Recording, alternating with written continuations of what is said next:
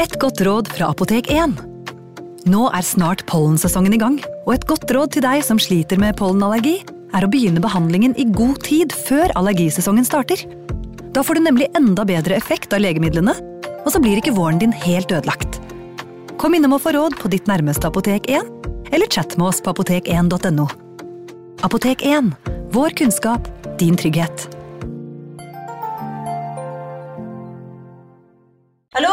Jeg kommer fra Oslo politikammer. Ine Jansen er purk. Er du purk? The motherfucking bitch. Alt jeg vil, er å finne ut hva som skjedde med mannen min. Jon Carew. Er jeg sikta for noe? Iben Akeli. Det er du. Ole So, Lars Berrum og Big Daddy Karsten. Hvem sin side er du på, egentlig? Anette Hoff, Tone Danielsen, Kommer du fra Afrika? Jørnis Josef, Nesten kløfta. Trond Espen Seim, Det er synd å si det, men det var feil mann som døde. Purk. Premiere tirsdag på TV2 Play. Ungsamtalen fra DNB er økonomisk veiledning tilpasset deg som er ung. Bokk en ungsamtale på dnb.no. slash ung. Det er kjempebra hvis du skal inn på boligmarkedet, hvis det er drømmen din, liksom. Det er det du skulle sagt. Og så kunne du ropt litt mer, da, sånn som jeg gjorde. Bam! Advarsel. Denne podkasten inneholder skildringer av ekte drap og kriminalsaker som kan være støtende for enkelte. Det advares også mot sterke inntrykk i deler av episoden. En seriemorder er en person som dreper én eller flere personer på tre eller flere forskjellige steder til forskjellige tider. Det høres kanskje komplisert ut, men det som menes er at hvis en person dreper en annen på ett sted, lar det gå kanskje noen dager eller uker om du vil, og dreper for eksempel to personer på et annet sted, og igjen lar det gå noe tid før han eller hun dreper en til på et tredje sted, kan personen klassifiseres som en seriemorder. Det må altså tre separate drapshandlinger til, i motsetning til en massemorder som dreper tre eller flere mennesker på samme sted til samme tid, som for eksempel i en skoleskyting. Det er mange som misoppfatter disse begrepene, så derfor tenkte jeg å friske de opp litt for dere, i tilfelle dere lurte på akkurat det.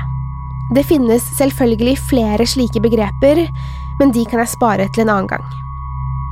Igjen er det klart for en seriemorder i True Crime Podden, og denne gangen er det Green River Killer som er i søkelyset etter ønske fra dere. Han er seriemorderen som har tilstått flest drap i amerikansk historie, og ble sett på som en av de mest aktive seriemorderne i USA da det sto på som verst. Nye lik ble funnet hele tiden, og det virket som om han aldri ville gi seg med å drepe kvinner. Etterforskningen gikk i stå både to og tre ganger, og selv med hjelp fra en annen seriemorder gikk etterforskningen fortsatt dårlig i jakten på den nekrofile morderen. Her er historien om The Green River Killer. Velkommen til True Crime Podden.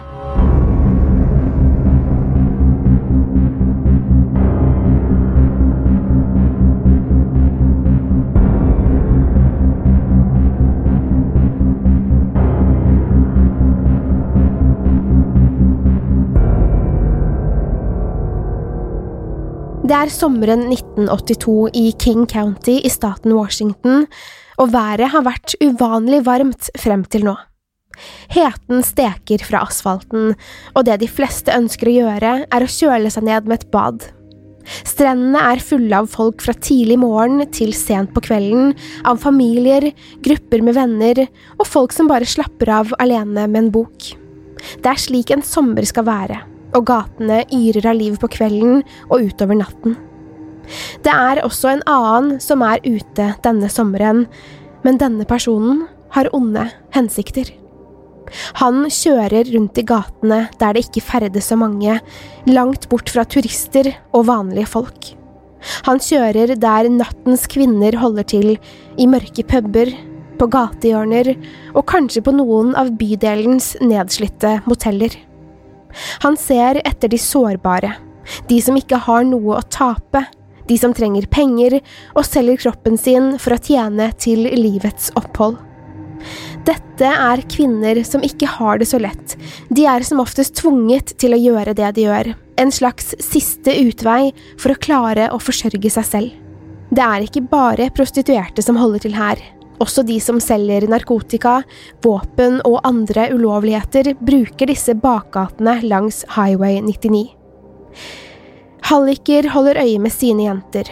De skal passe på at handelen går riktig for seg, og i mange tilfeller gjør handlene det, men heller ikke de vet hvem som lurer i mørket. Han som ikke er der for å kjøpe noe som helst, men han skal likevel utnytte disse stakkars kvinnenes desperate livssituasjon for egen nytelse. Han er på jakt etter nye ofre. 16 år gamle Wendy Lee Cofield har rømt hjemmefra enda en gang. Hun har kranglet med familien sin, hun nekter å gå på skolen, hun er utvist av slåssing, og alt hun egentlig ønsker, er å være fri. Wendy har bestemt seg for å klare seg på egen hånd.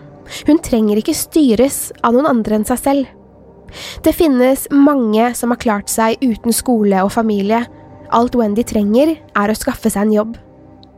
Det har gått lang tid, og ingen har ansatt Wendy enda.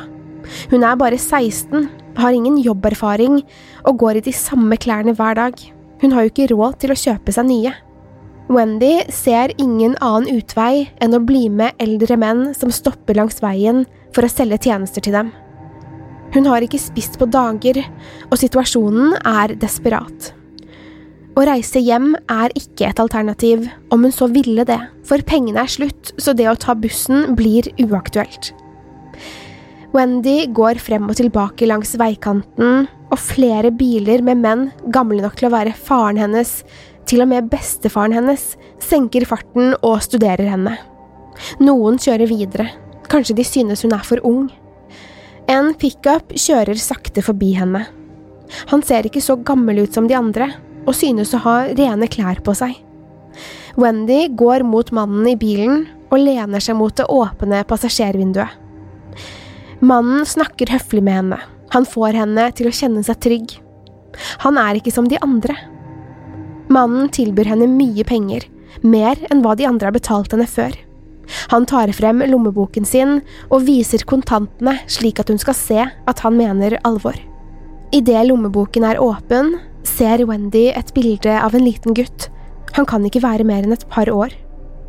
Sønnen min, sier mannen og smiler. Wendy setter seg inn i pickupen. Mannen kjører av gårde, og Wendy blir aldri sett levende igjen. Det er midt i juli 1982, og politibetjent Dave Reichert får en sak på kontorpulten sin.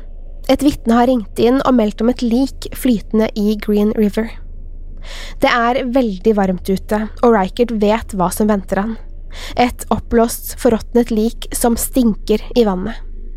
Han og to andre patruljer reiser til Green River og møter et dykkerteam som skal hente inn liket. Det er allerede en fotograf på stedet, men heldigvis ikke så mange andre. Dykkerteamet henter liket inn mot elvebredden, og det settes opp et provisorisk telt for å beskytte levningene mot den stekende solen. Lukten av liket er sterk, men Reichert har kjent den så altfor mange ganger. En av dykkerne mener han har sett noe mer under overflaten og undersøker videre, mens de andre jobber med å pakke liket for transportering til rettsmedisiner for obduksjon. Liket er så oppblåst og i så dårlig stand at det ikke er mulig å fastslå kjønn, rase eller alder. Dykkeren signaliserer at han har funnet noe mer i elven, og en annen kommer til. Det er enda et lik. Dette har satt seg fast i noen grener rett under overflaten. Dave Reichert forstår at denne saken blir noe helt annet enn han først hadde trodd. Han mistenker at de står overfor et dobbeltdrap. Han og de andre politipatruljene sikrer åstedet og ber om forsterkninger.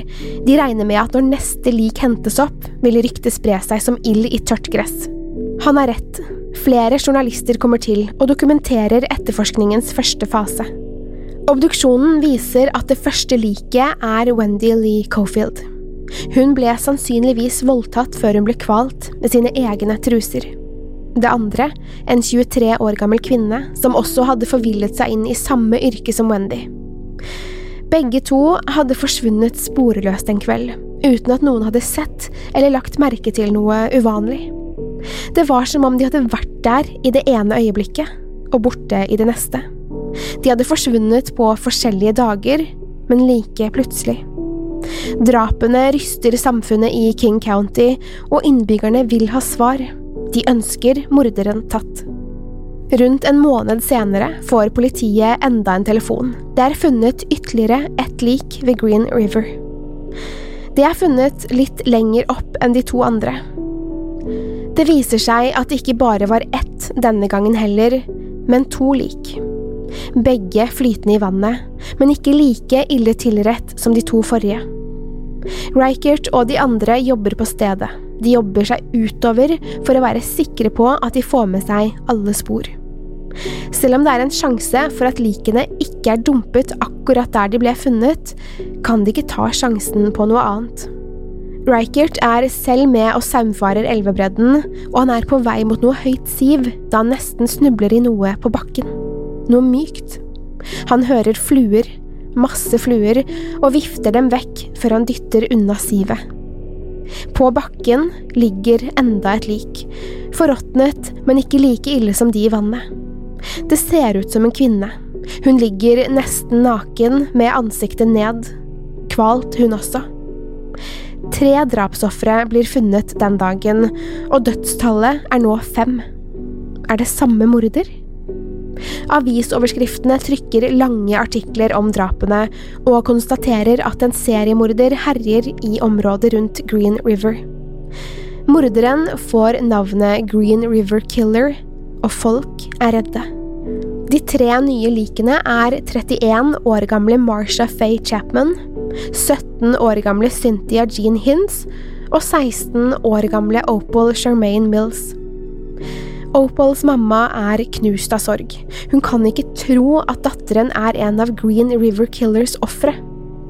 Opal var ikke prostituert, men likte å være ute sent, og teorien er at hun muligens haiket langs Highway 99, der hun sist ble sett bare tre dager tidligere. Opal var i likhet med de andre ofrene også voldtatt, og siden hun ikke var så sterkt forråtnet som de andre, klarte rettsmedisineren å sikre sædrester fra kroppen hennes. Om folk var rasende før, var det ingenting i forhold til nå. Flere grupper demonstrerer mot politiet. De mener at politiet ikke bryr seg om jentene som drepes, og lager plakater hvor det står Hvor mange flere må dø før dere tar det seriøst? Demonstranter intervjues på lokal-TV og sier at politiet hadde hatt en helt annen innsats i saken om det hadde vært middel- eller overklassekvinner som forsvant. Dave Reichert ser dette på TV og blir opprørt og lei seg, men velger å ikke gi noe tilsvar. Sannheten er at det nesten ikke finnes noen ledetråder i Green River Killer-saken. Ingen spor. Kvinnene, med unntak av Opal, hadde ligget i vann så lenge at det meste av spor og ledetråder var forsvunnet. DNA var ikke noe politiet kunne bruke som bevis i 1982, så etterforskningen sto i stampe allerede. Ingen av de som frekventerte langs Highway 99 ville snakke med politiet, så de hadde nesten ingenting å gå etter. Ikke et eneste vitne. Opals mamma blir også intervjuet på TV, og sier at hun er skuffet over politiets innsats. I september 1982 blir enda et lik funnet, en 17 år gammel jente. Det tar lang tid før hun kan identifiseres. Hun het Giselle Ann Lavorne og hadde i likhet med Wendy rømt hjemmefra og livnært seg på å selge kroppen sin. Hun var ikke meldt savnet av faren, han trodde hun skulle komme tilbake denne gangen også, men hadde blitt bekymret da han ikke hadde hørt fra henne siden midten av juli. Det går flere måneder uten nye lik, og Reichert, sammen med de andre som jobber med saken, tror kanskje morderen har stoppet drapstokten sin. Kanskje var han sint på prostituerte eller kvinner, og etter å ha drept de seks, gikk raseriet over. Han visste også at seriemorderne vanligvis tar en pause på en tid, og fryktet at det ville komme flere ofre. Ikke før i januar ble enda en kvinne funnet, og i mai en til. Ytterligere syv nye ofre blir funnet i 1983, og antall ofre er steget til 15. Samme mann har bortført, voldtatt og kvalt 15 kvinner uten å legge igjen en eneste ledetråd. Han har ikke gjort noen feil som avslører hvem han er, og fortsatt har ingen sett noe. Både politi og innbyggere er rasende, og Dave Reichert bestemmer seg for å ta inn en ekspert på gjerningsmannsprofilering, Robert Keppel. Han mener politiet er på feil spor, og at etterforskningen har store mangler. Han oppfordrer politiet til å snakke med de i miljøet der de forsvunne kvinnene ferdes. De burde snakke med andre prostituerte, halliker og narkotikalangere. Keppel er helt sikker på at de har sett noe. Gjerningsmannen er en person de kjenner, en som er der ofte og har god kontakt med kvinnene, kanskje hjelper dem eller får dem til å føle seg trygge. Etter mye jobb nevner flere i miljøet en mann som passer til beskrivelsen, en taxisjåfør som alltid hjelper jentene som jobber langs motorveien. Melvin Foster. Melvin var et kjent navn for politiet fra tidligere. Han hadde ringt inn flere tips som ikke hadde ledet til noe. Han hadde involvert seg selv i etterforskningen, og det var et rødt flagg for politiet. Da noen seriemordere ønsker å vite det politiet vet, og involvere seg i etterforskningen, er en metode noen bruker. Melvin hadde sittet i fengsel tidligere, og etterforskerne mener han både har hatt mulighet og motiv for å drepe jentene. Ifølge etterforskerne skal Melvin ha vært sint over at han hjalp jentene, uten å få noe tilbake. Han tas inn til avhør, og innrømmer at han har kysset jentene til og fra jobber, kjøpt mat til dem og til og med latt dem sove hjemme hos seg. Det viser seg at han kjenner flere av ofrene, og mistanken mot ham styrkes. Media får nyss om at Melvin Foster mistenkes, og plutselig tror alle at han er morderen. Dessverre for politiet, som tror de har rett mann, viser det seg at de ikke kan knytte Melvin Foster til noen av drapene. Han har alibi for flere av forsvinningene, og har ikke samme blodtype som DNA-prøven tatt fra Opal lik. De lar han gå, og dropper alle mistanker mot Melvin, men media er ikke ferdige med taxisjåføren. Det hele ender med at Melvin stiller opp til intervju på lokal-TV for å bedyre sin uskyld, og heksejakten mot han stopper til slutt. Selv om Melvin ikke var rett vei å gå for politiet, fortsetter de å kommunisere med miljøet rundt Highway 99. Profileringsekspert Keppel og Dave Reichert håpet at drapene igjen hadde stoppet opp, men det viser seg at mange unge kvinner er savnet, og i 1984 finner de 13 lik, men nå er stedet de blir funnet på, lenger unna de første stedene. Keppel mener Green River Killer har flyttet dumpingstedet for å ikke bli tatt, og kanskje for å gjemme likene bedre.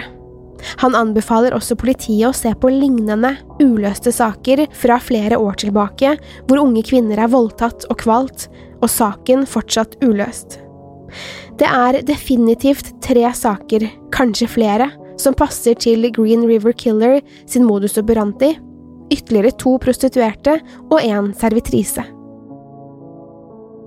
En av dem som blir funnet, er oppstilt på en bisarr måte i mai 1983. En familie er ute og plukker sopp, og kommer over en død kvinne som ligger på bakken. Hun ligger på ryggen med en papirpose trukket nedover hodet. Hun er fullt påkledd, og hendene er pent foldet over en flaske vin. Foran hendene ligger også noe slags kjøtt, som senere viser seg å være innmat fra pølser, formet som en pyramide. Keppel mener morderen ville at kvinnen skulle bli funnet på den måten, men utelukker ikke muligheten for at morderen også kom tilbake og besøkte ofrene sine. Etter så mange lik til nå, uten noen fremgang i etterforskningen, føler politiet seg maktesløse og er redde for at Green River Killer aldri vil stoppe å drepe. Mot slutten av 1984 blir politiet kontaktet av en person de aldri trodde skulle hjelpe dem. Seriemorderen Ted Bundy ønsker å bistå politiet i etterforskningen. Ted Bundy er allerede dømt til døden og sitter på death row i et høyrisikofengsel i Florida. Han skriver brev til etterforskningsleder Dave Reichert, og i starten er Reichert meget skeptisk til Bundys innblanding i saken. Han synes hensikten er besynderlig, og vet ærlig talt ikke hva Ted kan hjelpe til med. Keppel mener motsatt. Han jobbet med Ted Bundy-saken på 70-tallet, og forteller at Ted Bundy drepte minst åtte kvinner i samme område som Green River-morderen, og at han muligens kan gi dem en verdifull innsikt i hva morderen tenker. Han mener dog også at Bundy ønsker oppmerksomhet, han har sittet på death row i mange år allerede, og populariteten hans har sunket betraktelig. Keppel sier at Bundy nok ønsker å fremstå som en bedre person etter det fæle ryktet han har. De tar imot hjelp fra Bundy likevel, etterforskningen leder ingen vei, og det kan ikke skade å snakke med en likesinnet, en som forstår hvordan morderen tenker, kanskje bedre enn noen annen. Ted Bundy er ivrig og snakker med etterforsker Dave Reichert. Han foreslår at politiet bør fokusere på funnstedene, for Bundy tror han kommer tilbake for å se til likene, og er overbevist om at morderen også har sex med de døde kroppene. Bundy sier han vil ikke bli tatt, så han kommer til å forandre metoden og oppførselen sin slik at, du vet, han kommer der i forkjøpet og holder seg unna søkelyset. Han fortsetter. Etter min mening er den beste måten å ta morderen på fersk gjerning å overvåke et sted hvor han nylig har dumpet et lik, og vente til han kommer tilbake. I august 1986, fire år etter de første likene ble funnet, trappes etterforskningen heldigvis opp igjen. Det er mer enn 30 etterforskere på saken, i tillegg til agenter fra FBI, som kommer med en gjerningsmannsprofil, som blant annet mener at Green River Killer er en hvit mann i midten av 30-årene, sannsynligvis gift og har barn, men kan være fraseparert eller skilt. Han jobber trolig med noe fysisk, som snekker, mekaniker eller lignende, og virker snill og hyggelig utad som gjør at kvinnene stoler på han. Han blir ikke sett på som en trussel av ofrene før det er for sent. To politimenn ønsker å se på etterforskningen på en annen måte. Både de og leder Reichert tror de kanskje har vært borti morderen før, og går gjennom alle vitneavhør og tips på nytt. De ser etter likheter mellom vitner, tidligere mistenkte og gjerningsmannsprofilen til FBI, og det er et navn som kommer opp, en mann som broren til en savnet kvinne tipset om. Søsteren hans Marie har vært forsvunnet siden 1983. Hun var prostituert og jobbet ofte langs Highway 99. Hennes daværende kjæreste pleide å sitte i bilen og følge med så ingen skulle skade Marie, og han så at hun satte seg inn i en beige eller brunaktig pickup. Som vanlig fulgte han etter bilen. Plutselig så han noe som minnet om slåsskamp inne i bilen, som om mannen som plukket henne opp, angrep Marie. Kjæresten kjører etter, men mister bilen av syne ved et trafikklys. Han prøver desperat å finne igjen pickupen resten av kvelden, men uten å lykkes. Han ringer på hos Maries foreldres hus morgenen etter og sier at Marie er borte. Kjæresten og Maries bror bestemmer seg for å lete etter pickupen, og utrolig nok finner de den. Bilen står parkert foran huset til en mann som heter Gary Leon Ridgway, og de ringer politiet. Politiet kommer til stedet og snakker med mannen som eier huset, men reiser igjen fordi mannen virket helt utenforstående og sa han hadde vært hjemme kvelden før. Det viser seg at Gary Ridgway hadde vært arrestert året før for å ha kjøpt sex, og politiet tar han inn igjen til avhør for å snakke om både Maries forsvinning, men også om de uløste drapene ved Green River. Gary tar en løgndetektortest, og testen viser at mannen snakker sant, så han slipper unna mistanke. Nå, fire år senere, ser politiet på Ridgway igjen, og det viser seg at han kjenner flere av ofrene til seriemorderen. De tar også inn et annet vitne, en venninne av et av seriemordernes ofre, 21 år gamle Kim Nelson, som hadde vært savnet siden november 1983 og funnet i 1986, tre år senere. Venninnen hennes Macy hadde sett Kim forsvinne sammen med en mann, og hadde beskrevet mannen for politiet. Men ikke nok med det, det hadde også blitt laget en fantomtegning av mannen. Etterforskerne finner tegningen, og den er veldig lik mannen på arrestasjonsfotoet fra 1982, Gary Ridgway. De tar inn Macy til avhør igjen, og viser henne flere bilder av menn og ber henne peke ut mannen hun tror hun så med venninnen Kim.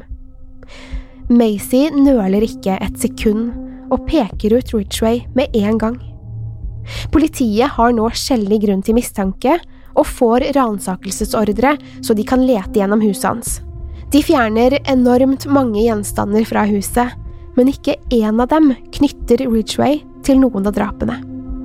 Likevel beholder de flere av gjenstandene i tilfelle de skal brukes på nytt i etterforskningen.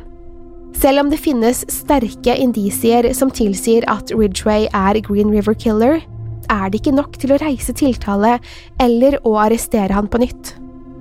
Mens nye lik dukker opp, nedgraderes etterforskningen igjen. I 1990 jobber kun én etterforsker med saken, Dave Reichert selv. Han jobber også med andre saker, men glemmer ikke de mer enn 40 ofrene for Green River Killer. August 2001 Flere år har gått, og Reichert har løst flere hundre andre krimsaker siden sist. Han sjekker jevnlig tips som så smått kommer inn om Green River-morderen, men ingen av dem leder til noe gjennombrudd i saken. Han tror likevel fortsatt saken kan løses, for nå har DNA vist seg å være en god metode for å peke ut gjerningspersoner. Washington State Crime Lab tester alt de har igjen av materiale i saken, og klarer å lage en genetisk profil av gjerningsmannen. De mater inn dataen i FBI sin database for DNA og datateknologi kombinert, kalt CODIS. Dessverre matcher ingen, men Reichert vil teste materialet de har fra menn som tidligere har vært involverte i saken. Melvin Foster sjekkes, og han kan utelukkes som morderen. Politiet tester flere mistenkte, og plutselig får de en match. Gary Leon Ridgway er Green River-morderen. Foreløpig kan han bare linkes til fire av ofrene, men det er nok til å arrestere ham. Den 30. november 2001 blir han lagt i håndjern på jobben sin og tatt med til avhør. De klarer også å linke Gary til fire andre mord, hvor malingsrester ble funnet på klærne til ofrene, samme maling som Gary brukte i jobben sin som billakkerer. Bevisene er overveldende, og advokaten hans forstår hvor dette vil bære. Han spør Gary om han har drept alle kvinnene, og Gary bryter sammen. Advokaten råder han til å inngå en avtale med aktor, for bevisene mot Gary er så sterke at han risikerer å dømmes til døden. Gary ser heller ingen annen utvei, og sier at han vil tilstå alt om han slipper dødsstraff. Aktor nekter først å gå med på avtalen, men ser etter hvert at det er viktigere å la familiene til de døde kvinnene få svar enn å sette Gary i den elektriske stolen, og i 2003 er avtalen i boks. Gary Ridgway tilstår 71 drap, og forteller om alle sammen i detalj. Han forklarer også hvor de savnede kvinnene er. Noen av dem blir funnet, og andre er fortsatt savnet. Noen av de som blir funnet, er enda ikke identifisert i dag. Men hvem er denne morderen? Hvordan ble han slik? Gary Ridgway ble født den 18. februar 1949 i delstaten Washington. Han gjorde det dårlig på skolen og har en målt IQ på 82. Til referanse er grensen for å betegnes som psykisk utviklingshemmet 70, og de fleste i eksempel Norge har en IQ på ca. 100. Gary Ridgway er altså i det nedre sjiktet intelligensmessig. Han kranglet ofte med foreldrene sine. Han sloss med faren. Sinneproblemene til Gary nådde en topp i ungdomsårene. Det ryktes om at Gary som 16-åring lurte med seg en seks år gammel gutt inn i skogen, knivstakk ham og forlot gutten for å dø. Seksåringen ble heldigvis funnet og overlevde. I 1969 klarte Gary Ridgway å fullføre videregående skole, og møtte Claudia Craig, som han samme år giftet seg med. Han vervet seg også til marinen, og ble stasjonert i Vietnam under Vietnamkrigen. Under oppholdet i Vietnam kjøpte han ofte sex av prostituerte, opptil flere ganger om dagen. Det endte med at Gary fikk gonoré, som gjorde han rasende, uten at det avskrekket han fra å fortsette sexkjøpene. Da Gary kom hjem fra krigen, fant han ut at kona hadde hatt et utenomekteskapelig forhold, og paret skilte seg ett år etter bryllupet. Etter hvert møter han sin neste kone, som i senere tid har fortalt i avhør at Gary likte å kvele henne under sex, og at han hadde en ekstrem sexlyst som gjorde henne meget ukomfortabel. Etter at dette ekteskapet også endte i skilsmisse, ble Gary religiøs. Han gikk i kirken flere ganger om dagen og begynte å gå til naboer for å gi dem Guds frelse. Et sinne vokser og vokser i Gary. Han innser at han hater kvinner, særlig de som er prostituerte. På begynnelsen av 80-tallet starter Gary drapsferden sin. Han plukker opp kvinner på gaten og avtaler å kjøpe sex av dem. Istedenfor voldtar han dem og kveler dem bakfra med bare hendene og noen ganger tau eller deres egne klær. Når kvinnene er døde, dumper han dem ved eller i elven. Green River-morderen fortsatte å drepe. Kvinner og jenter forsvant hele tiden, men ikke alle ble funnet. Han endret dumpingsted flere ganger for å unngå å bli tatt, slik som Ted Bundy trodde. Etter de fem første drapene, altså de som ble funnet ved Green River, begynte Ridgway å gjemme likene i skogen, og Ted Bundy hadde rett igjen. Gary pleide å dra tilbake og ha sex med de døde kroppene. Dave Reichert spurte han hvorfor, og Gary svarte at på den måten slapp han jo å betale for sexen, han kunne gjøre hva han ville med dem. I retten leser dommeren opp alle navnene til de 48 kvinnene politiet har klart å linke til Gary Ridgway. Han står rakrygget og sier skyldig på hvert eneste punkt, som om det var verdens mest hverdagslige ting å gjøre. Han viser ikke anger en eneste gang. Ikke engang når rettsmedisineren vitner om skadene på jentene og kvinnene. Han sitter mellom advokatene sine og noterer stille. Familiene til nesten alle ofrene sitter i rettssalen, og rett før dommen skal leses opp, får de pårørende snakke til Gary. Faren til en av jentene ser Gary rett i øynene og sier Du har gjort det vanskelig for meg, men jeg er troende og ønsker å gjøre det Gud mener er det eneste riktige, og det er å tilgi. Man skal tilgi alle, sier Bibelen, og derfor tilgir jeg deg, Gary Ridgway. Du er tilgitt. For første gang gjennom hele den lange rettssaken viser Gary følelser. Han bryter sammen av ordene til mannen og klarer ikke slutte å gråte. Han sitter og rister mellom advokatene sine, til og med mens dommeren leser sin begrunnelse for dommen. Han sier, Du har ikke kapasitet til å forstå hva kvinnene du drepte, gikk gjennom. Du forstår ikke hva du har gjort mot dem. Disse kvinnene var ikke søppel du bare kunne kaste etter at du hadde oppfylt dine morderiske lyster. Du kunne ikke se dem i øynene da du drepte dem, men du kommer til å se dem i drømmene dine. Du vil hjemsøkes av dem for resten av livet ditt. Gary Ridgway dømmes til 48 livstidsdommer, én for hvert offer.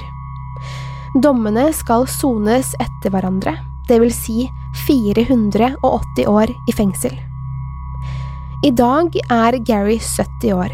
Han soner i Washington State-fengselet, og som med mange andre seriemordere får Gary Ridgway tilsendt fanmail og har flere kvinnelige beundrere. Gary Ridgways tilståelse kan sees på YouTube. Søk etter Gary Ridgway Confession om du ønsker å se seriemorderen selv fortelle hva han gjorde. Det er på høy tid at True Crime Podden forlater King County og Green River for denne gang. For neste uke skal vi til et annet sted og en annen morder. Følg oss gjerne på Instagram. Der heter vi True Crime Norge. Til neste gang, pass på deg selv, og takk for at du har hørt på True Crime Podden.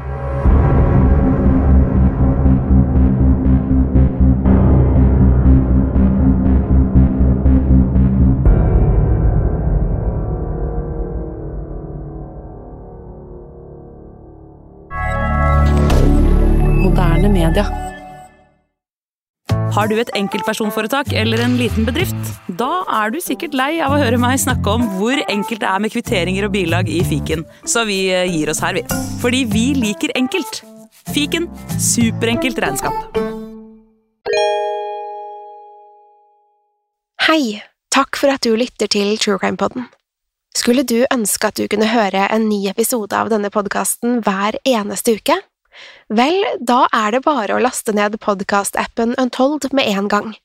I tillegg til ukentlige episoder av podkaster som Skrekkpodden, Synderne og Henrettelsespodden, får du masse annet reklamefritt og eksklusivt innhold. Last ned Untold i AppStore eller Google Play, og start din 30 dagers prøveperiode i dag.